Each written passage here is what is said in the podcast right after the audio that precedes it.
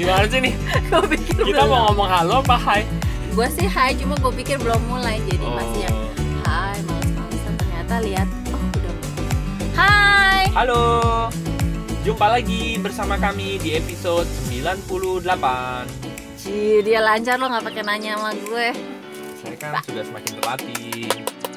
Terima kasih atas sambutannya. Oh iya kita harusnya pakai sound effect ada tepuk Iya, tangan ya. gitu kan. Atau Nggak kita sih, buat kayak norak. kayak kayak YouTube YouTube gitu. Kalau ada apa terus uh, Oh. oh. Terus iya ya. eh. Hmm? Eh gimana sih Iya. ya? Yang hmm, hmm. Ya begitu deh. Kayaknya menarik ya. Ada nggak sih podcast yang begitu? Ah, Ada mungkin ya. itu nanti aksesorisnya terlalu banyak. iya. Oke, kita ngomong apa ini? Mau cerita enggak sih kita mau bahas. Jadi Rusi ada cerita. Kemarin gue baca buku masih dari buku Master Cheng Yen. Itu Oke. sebelumnya kita bahas oh tentang yang orang yang dibantu itu berdana kesempatan. Kesempatan, Jadi betul. orang yang dibantu pun sebenarnya Ih, sedang memberi kepada orang Berdana lain. kesempatan. Kok Iya. mengingatkan akan monopoli ya? ya sih? Kesempatan. Iya kan? Saya udah lama nggak main monopoli. Ah, karena kamu sudah memonopoli hatiku. Yes. Oke, Apa silakan sih? lanjutkan. Ah, ah, jadi terus gue cerita sama Ari karena menurut gue ini relate. Iya, relate terhadap kita berdua iya sih. pada suatu masa. Apa ya? Iya, Oh, cerita ini. eh, eh, Oh, iya, iya. bener kan? Iya, nah, iya, iya, jadi coba. ceritanya adalah ada seorang petani yang hidup eh, damai, tentram, bahagia. Pokoknya dia udah Udah enak lah ya. sangat gitu nyaman ya. dan Ya, menikmati hidupnya lah. oke. Setiap hari dia tuh berangkat ke sawahnya, ke Ke ladang, ladangnya, oke. dia bertani dengan gembira. Pokoknya dia Uh. menikmati lah, dia menikmati Oke. pekerjaannya, terus uh, pulang, terus nanti dia menikmati panennya. Udah, jadi dia sudah menikmati hidupnya. Sampai Oke. suatu saat ketika dia sedang mencangkul, tiba-tiba cangkulnya itu kena sesuatu gitu. Tang, gitu. Iya, begitu bunyinya. Hebat ya. Nah, pas digali-gali-gali ternyata nah, cangkulnya itu mengenai satu guci dan di Hmm. gucinya dan di dalam gucinya itu ada patung arca eh, Buddha Oh. gitu dari Asem pasti itu. maksudnya gimana? Acar. Oke. Oh, oke. Terus lanjut, lanjut, lanjut. Ah, Acar ya, jauh Iya. ya, oke Ah. lah. Ya, terus arca Buddha. Kamu nggak mau plesetin Enggak, Buddha enggak, ya? enggak, enggak, enggak. Terkutuk nanti saya. ya. Nah, eh, akhirnya dia bawalah patung itu ke eh, seorang pedagang di pasar Hmm. ya di di kota gitu. Dia mau tahu patung ini ada nilainya apa enggak gitu. Oke. Nah, terus eh, si yang menerima itu eh, terkejut, tanya gimana backsoundnya? Aw. Gitu. ya dan dia bilang patung ini sangat berharga sekali patung ini totalnya ada 18 Oke. kalau kamu bisa menemukan 17 patung lainnya, waduh, 18 patung ini tuh akan jadi eh, bernilai sangat luar biasa gitu. Hmm. Wah, mendengar itu si petaninya, oke, dia langsung pulang ke rumah bawa yang itunya lagi patungnya. Habis itu dia cangkul semua sawahnya dengan tujuan Hmm. dia harus temukan yang 17-nya lagi gitu. Padahal sawahnya udah ba- baik-baik aja ya. Iya, akhirnya dia bongkar lagi cangkul sana, cangkul Hmm. sini kok nggak ada, terus dia pindah lagi, pindah lagi, pindah lagi, sampai apa? Kayak orang gila gitu kan, saking pengennya nemuin. Akhirnya hari itu nggak ketemu, udah dia pulang terus dia mikirin lagi, aduh itu di mana ya 17 gitu. lagi Eh, eh, kalau ketemu wah pokoknya dia sudah membayangkan itu besok paginya dia berangkat ke sawah buru-buru terus dia cangkul lagi cangkul lagi cangkul lagi Wah, pokoknya sampai sawahnya berantakan dan masih nggak ketemu gitu eh, patung-patung Hmm, lainnya iya, gitu iya, emang iya. cuma ada satu kayaknya di situ jadi di situ tuh si Master Chengyen kasih eh, apa ya dia bilang bahwa si petani itu tuh sudah kehilangan rasa damainya gitu Hmm. kenapa karena eh, sekarang dia punya nafsu gitu Iya. punya nafsu keinginan yang menyebabkan eh, r- rasa damainya hilang dan dia akhirnya dia mengerjakan eh, sesuatu yang tadinya dia kerjakan dengan hati damai, Hati hati, gembira, gembira, iya. gitu kan. Eh, terus dia menikmati hidupnya, tapi justru gara-gara punya satu patung, kok bukannya dia makin mensyukuri mensyukuri, Iya. tapi gini, waktu dia belum punya, dia malah bisa menikmati hidupnya dengan sangat baik. Tapi punya satu, bukannya tambah bahagia, kok malah tambah eh, tambah nggak damai gitu, malah hilang Iya, kedamaiannya. karena Nah, dia mencari 17 yang nggak ada ya gitu. jadi dia eh, dia percaya apa kata si pedagang itu bahwa ini akan lebih bernilai kalau ada 17 lainnya. Jadi dia mulai menginginkan lebih gitu. ya Intinya dan- sih begitu ceritanya dan itu gue pas baca itu gue relate gitu sama eh, gue sama Ari gitu di beberapa tahun yang lalu gitu kan. Di kehidupan sebelumnya. Itu jadi kita juga pernah ngerasain eh, gimana ya mengerjakan sesuatu tuh nggak ada damai-damainya gitu. Ya terus? Malah yang ada eh pengen cepet-cepet pengen cepet-cepet dapet pengen pengen pokoknya kayak gitu deh. Gimana ya mengatakannya? Ingat nggak waktu kita bangun satu bisnis Mm-mm. bisnisnya jalan? Oke. Ya kan? Se- ya? sebenarnya eh, apa sebelum punya bisnis itu memang kita biasa aja. Oke.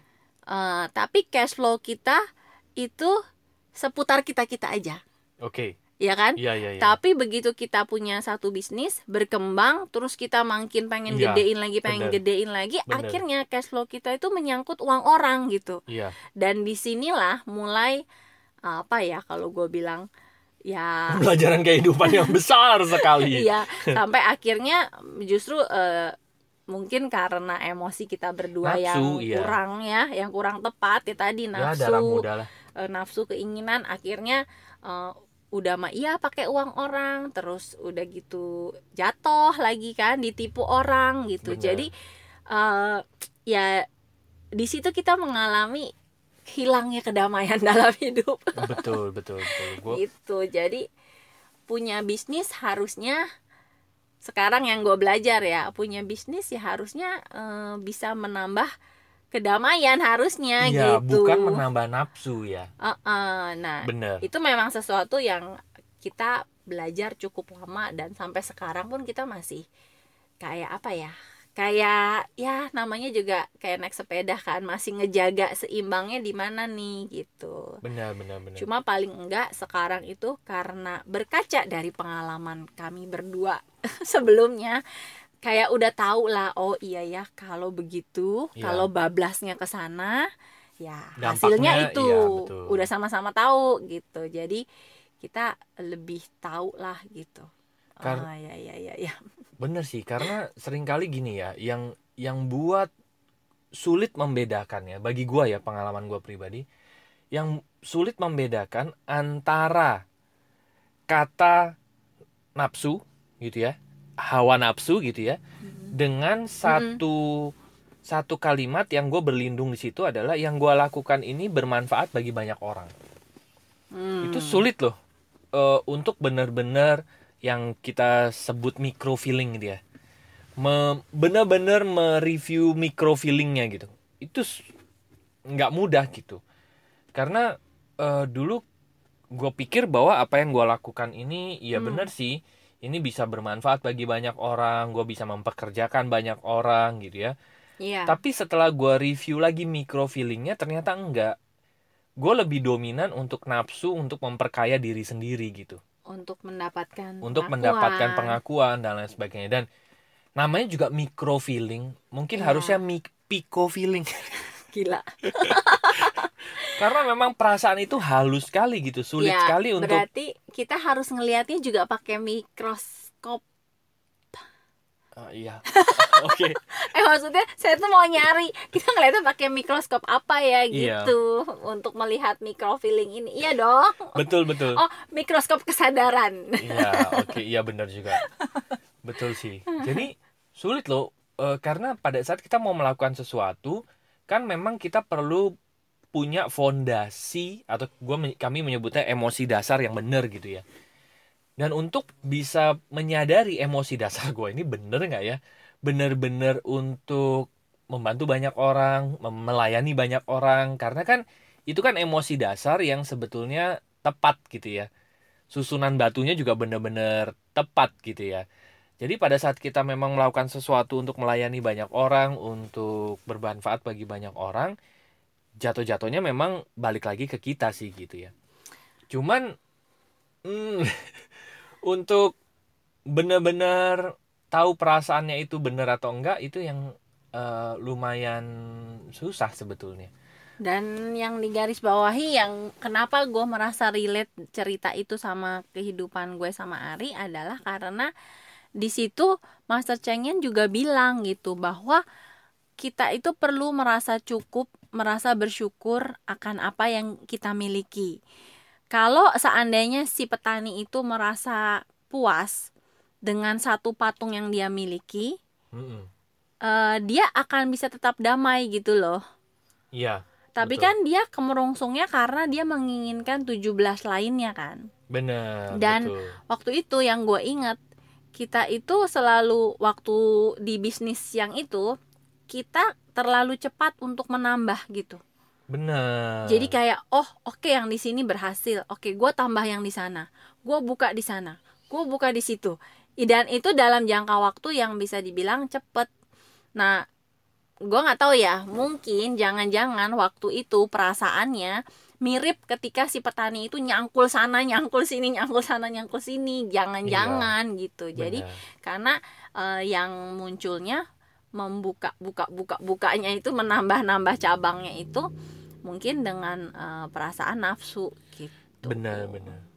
Nah Jadi, cuman cuman gini. gimana caranya ya? Iya itu gue juga masih masih abu-abu ya buat buat gue pribadi gimana caranya kita tahu itu saat yang tepat untuk ekspansi, Ekspansi, betul. kan bisnis wajar ya ada ekspansi benar Eh, tapi kapan juga saatnya kita mereview bahwa itu sesuatu yang terlalu dini gitu. iya Yaitu balik lagi sebenarnya mungkin zaman itu kita belum terbiasa duduk diam dengerin diri. iya benar sih Ya kan? walaupun memang gua akui waktu zaman itu ada banyak ketakutan gua kalau gua sadari ya peristiwa-peristiwa itu gitu ya gua merasakan ada ketakutan ketakutan di dalam diri gua gitu sebetulnya bukan kedamaian yang ada di dalam diri gitu ya nggak sih Iya. ya kan kalau di kalau bener-bener di review di tahun-tahun itu ya pada saat gua Sebenarnya sih, mulai ekspansi itu iya. bener-bener eh, yang ada itu sebetulnya Khawatir. khawatir tapi kita kesampingkan perasaan khawatir itu karena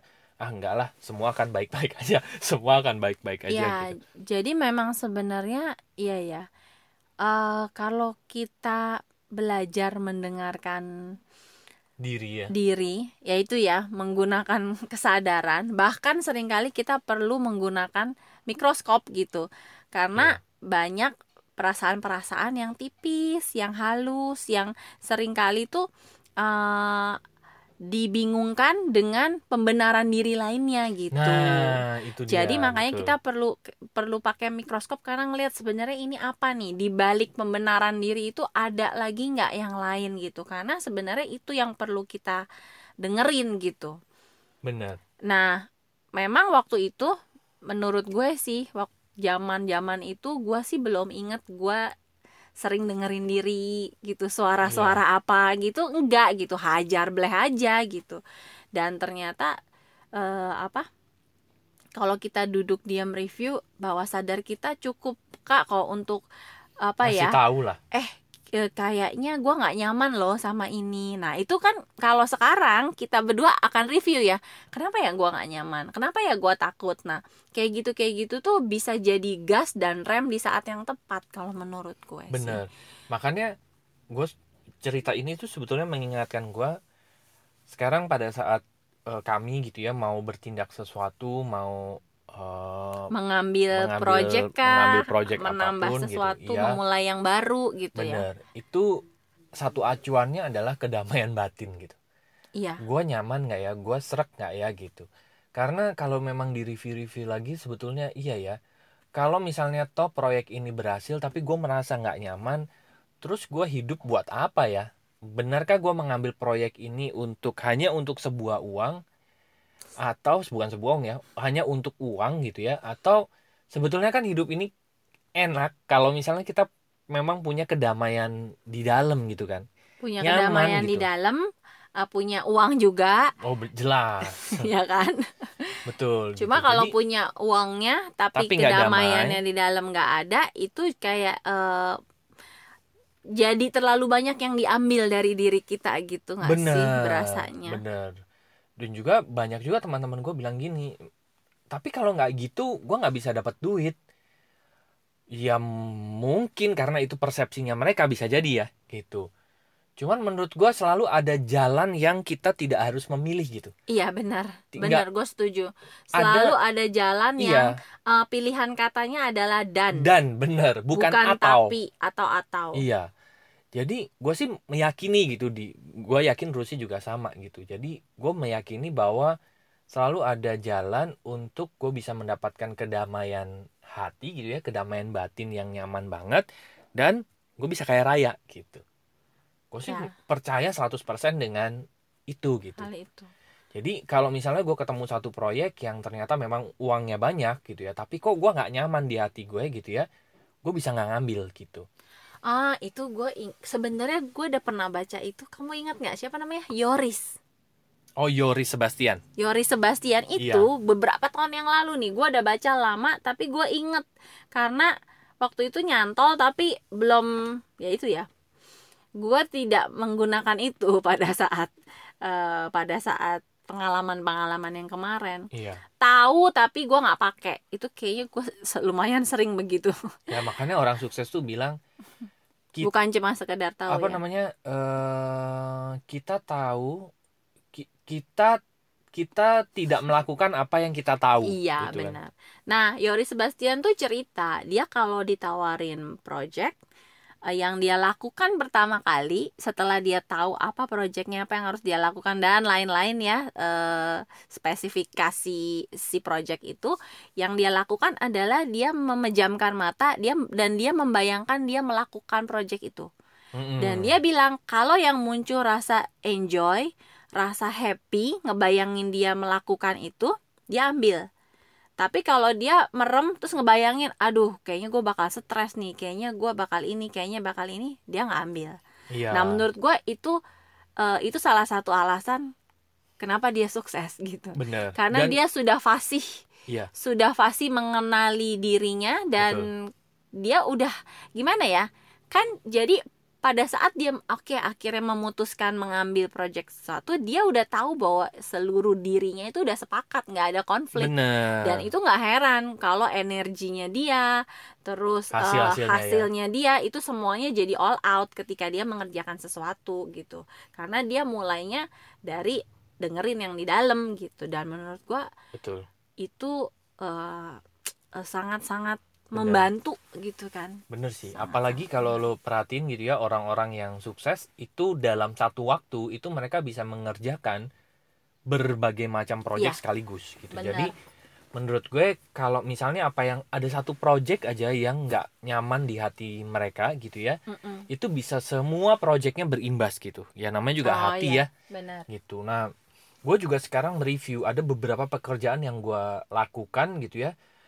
Gue tuh jadi bener-bener gue nyemplung nggak ya, gue nyemplung nggak ya. Gue sampai gue sering ngobrol sama dia gimana kalau ini, gimana kalau ini. Walaupun gue gua gue berasa gitu ya. Ini duitnya banyak nih kalau gue ngambil proyek ini hasilnya lumayan gitu. Ini proyek ini juga lumayan. Gue selalu melibatkan Rusi supaya apa?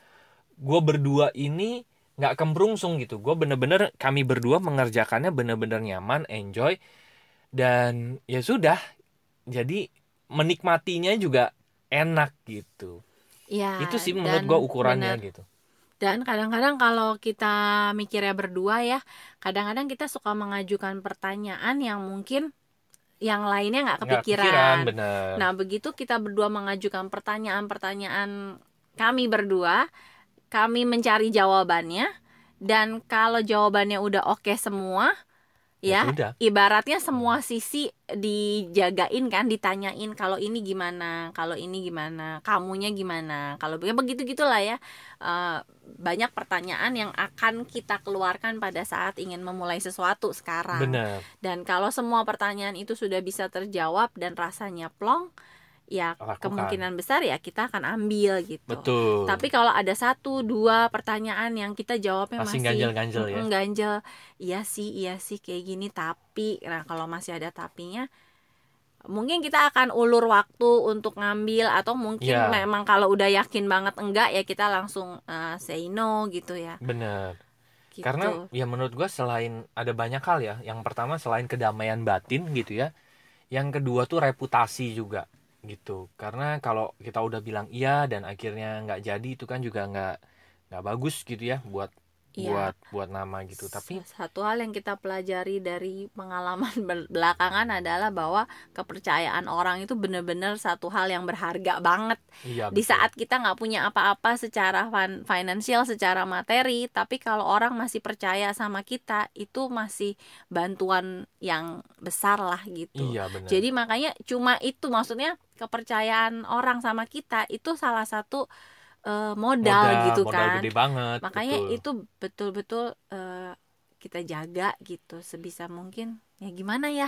Ya begitu ya betul. Seringkali kepercayaan itu bisa kasih kita modal yang tak terhingga gitu. Bener-bener yang wah gila banget lah itu.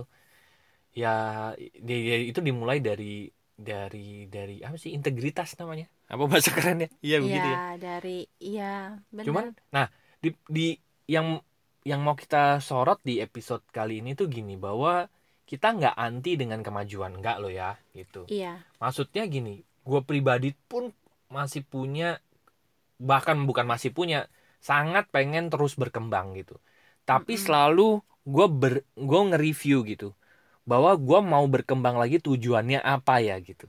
Iya. Jadi pada saat gue mengambil langkah maju gitu ya itu gue mereview oke Mm-mm. gue mau melakukan ini eh emosi dasarnya apa ya kenapa gue mau maju lima Ya, step ya. lagi gitu Mm-mm, mm-mm. Jadi, tapi gue selalu mereview oke tahun ini gue harus maju lagi nih 10 step lagi dan itu menurut gue sih sebuah sebuah keharusan ya setiap tahun orang harus berkembang gitu berprogres Cuman sekali lagi gue perlu mereview diri gue. Gue mengambil langkah maju itu dasarnya apa? Dan apa apa yang akan ditimbulkan oleh uh, keputusan untuk maju Ya. itu terhadap kehidupan Betul. kehidupan kita sekarang Betul. gitu Jadi maju harus gitu ya, berkembang harus menurut iya mm-mm. Tapi sekali lagi berkembang dan maju itu perlu disertai kedamaian di dalam. Menurut gue sih begitu. Jadi Ya, pada karena- saat kita melakukannya nggak kemerungsung gitu, benar nyaman-nyaman aja. Kalau kita damai gembira kan katanya hati yang gembira adalah obat, Obat. gitu jadi sebenarnya itu yang apa ya em, mendukung kita untuk maju gitu kan Iya. Tapi kalau kitanya juga menyadari bahwa ada perasaan-perasaan yang nggak nyaman dan perasaan-perasaan yang uh, tidak membuat kita damai, uh, ya segera disadari. kitanya akan sulit gitu untuk maju juga. Nah Betul. ujung-ujungnya yaitu karena effortnya jadi lebih gede. Kok kayaknya gue susah amat ya, gue susah amat ya gitu. Jadi kemerungsungnya itu yang lebih dominan. Nah itunya Betul yang sekali. uh, di dihindari lah ya, bukan dihindari, ya dihindari lah ya. Iya betul. Atau tambah pengetahuan supaya mungkin sudut sudut pandangnya pandangnya yang bisa eh, sedikit eh, lebih luas gitu. Sudut kayaknya pandang. kita lumayan sering ya bahas kayak begini ya soalnya memang itu yang menurut kita penting Iya betul. dan sering kali eh, kayak kayak gue dengar sekali dengar dua kali dari sudut ini dari sudut itu itu belum kena gitu tapi begitu tahu hal yang sama tapi diomongin dari sudut, Sudut yang beda berbeda, iya benar. itu sering kali klik dan akhirnya gue dapetin gitu karena klik gue dapetin manfaatnya gitu kan nah itu juga sih kenapa di podcast ini kalau teman-teman ada yang dengerin lengkap mungkin kita berdua cukup sering bahas untuk poin ini poin ini itu mungkin lebih dari dua tiga podcast ya mungkin karena kita merasanya orang bisa nangkepnya Ya. tuh dalam sudut pandang yang beda-beda, dalam Betul momen yang beda juga sekali. gitu. Tapi akan ada waktunya eh, nyambung gitu, klik connect gitu. betul kayak lagunya Usi ya nah nah nah Klik. nah klik oke teman-teman jadi iya bener sih menurut gua kayak Bo Sanchez bilang apa merasa puas dan apa Merasa puas sekaligus mengharapkan perubahan. Ya. Itu juga pernah kita bahas di podcast. Ternyata Master Cengyen juga mengatakan hal yang sama. iya Jadi kalau gua dengan sih cerita yang berbeda Gue sama Ari kayaknya semakin yakin bahwa dunia ini universal. Betul ya, sekali. Kalau udah nyadar dunia ini universal, kebenaran itu sebenarnya satu, Iyo, berlaku oke. untuk siapa saja dan bermanfaat untuk semua makhluk hidup. Iya. Oke deh, jadi bagi teman-teman yang pengen ngobrol lebih panjang bersama kami, silahkan masuk ke website kami yaitu Lompatanhidup.com ada nanti apa aja di sana? Ya, sabar ya, Pok. nanti di sana ada tiga page. Eh, Ya, apa ada home, Oke. ada counseling dan event, Mm-mm. ada bisnis. Oke, apa aja nanti tuh? udah bawel banget ya dia di home ada eh, untuk kenalan terus juga ada Ya. tombol-tombol podcast yang bisa di share kalau teman-teman mau share eh, Yes. podcast kami ke teman-teman atau ke orang-orang Iya. terus juga ada tombol WhatsApp untuk bisa kenalan connect-connect sama kita Iya. Terus nanti di page kedua ada counseling dan event itu untuk teman-teman yang membutuhkan jasa profesional untuk konsultasi, konseling dan juga untuk event. Uh, terus nanti ada uh, di situ ada tombol WhatsApp ya untuk bisa terhubung. Sama di page ketiga ada bisnis. Bisnis itu buat teman-teman yang pengen kolaborasi, yang mungkin ngerasa bahwa uh, Rusi dan Ari punya nilai-nilai yang sama, value-nya sama, mungkin kayaknya kita bisa kolaborasi secara bisnis. Ya itu kan juga eh, sesuatu yang menarik ya. Iya. karena finansial itu juga salah satu pilar yang penting dalam membangun keluarga yang lengkap betul gitu. sekali. Nah, di rekomendasi bisnis kita akan juga kasih program mentoring buat oh, teman-teman yang kerja sama sama kita. Jadi, kita akan bantu teman-teman untuk mengenali diri, mengenali minat, bakat, panggilan jiwa, panggilan hidup sehingga akhirnya bisa melakukan bisnisnya itu sesuai dengan apa yang menjadi eh, apa yang teman-teman punya gitu di dalam dirinya. Jadi makin keluar auranya Iya, kau auraku. gitu jadi bisa menikmati hidup yang eh, damai berlimpah sekaligus menemukan arti Iya, arti diri dan arti hidup Oke, Gitu. panjang ya. gue lagi demen yang panjang soalnya Iya, oke. berarti besok giliran kamu Oh, gitu ya. Oke deh. oke Terima terima kasih atas teman-teman penjelasannya. udah dengerin udah dengerin Oke. penjelasan yang panjang Di episode 90 hmm, ternyata ingatan tahan sebentar teman-teman. 98 Oh 98 Gue ingat 97 98 97 98 98 tadi kamu di awal gimana? 98 nih. oh ya udah. Gue lu, lupa loh beneran sumpah. Ya udah 98 Oke Ntar di rewind deh. Oke, terima kasih, Terima kasih sudah mendengarkan. See you. Bye bye Bye bye, see you.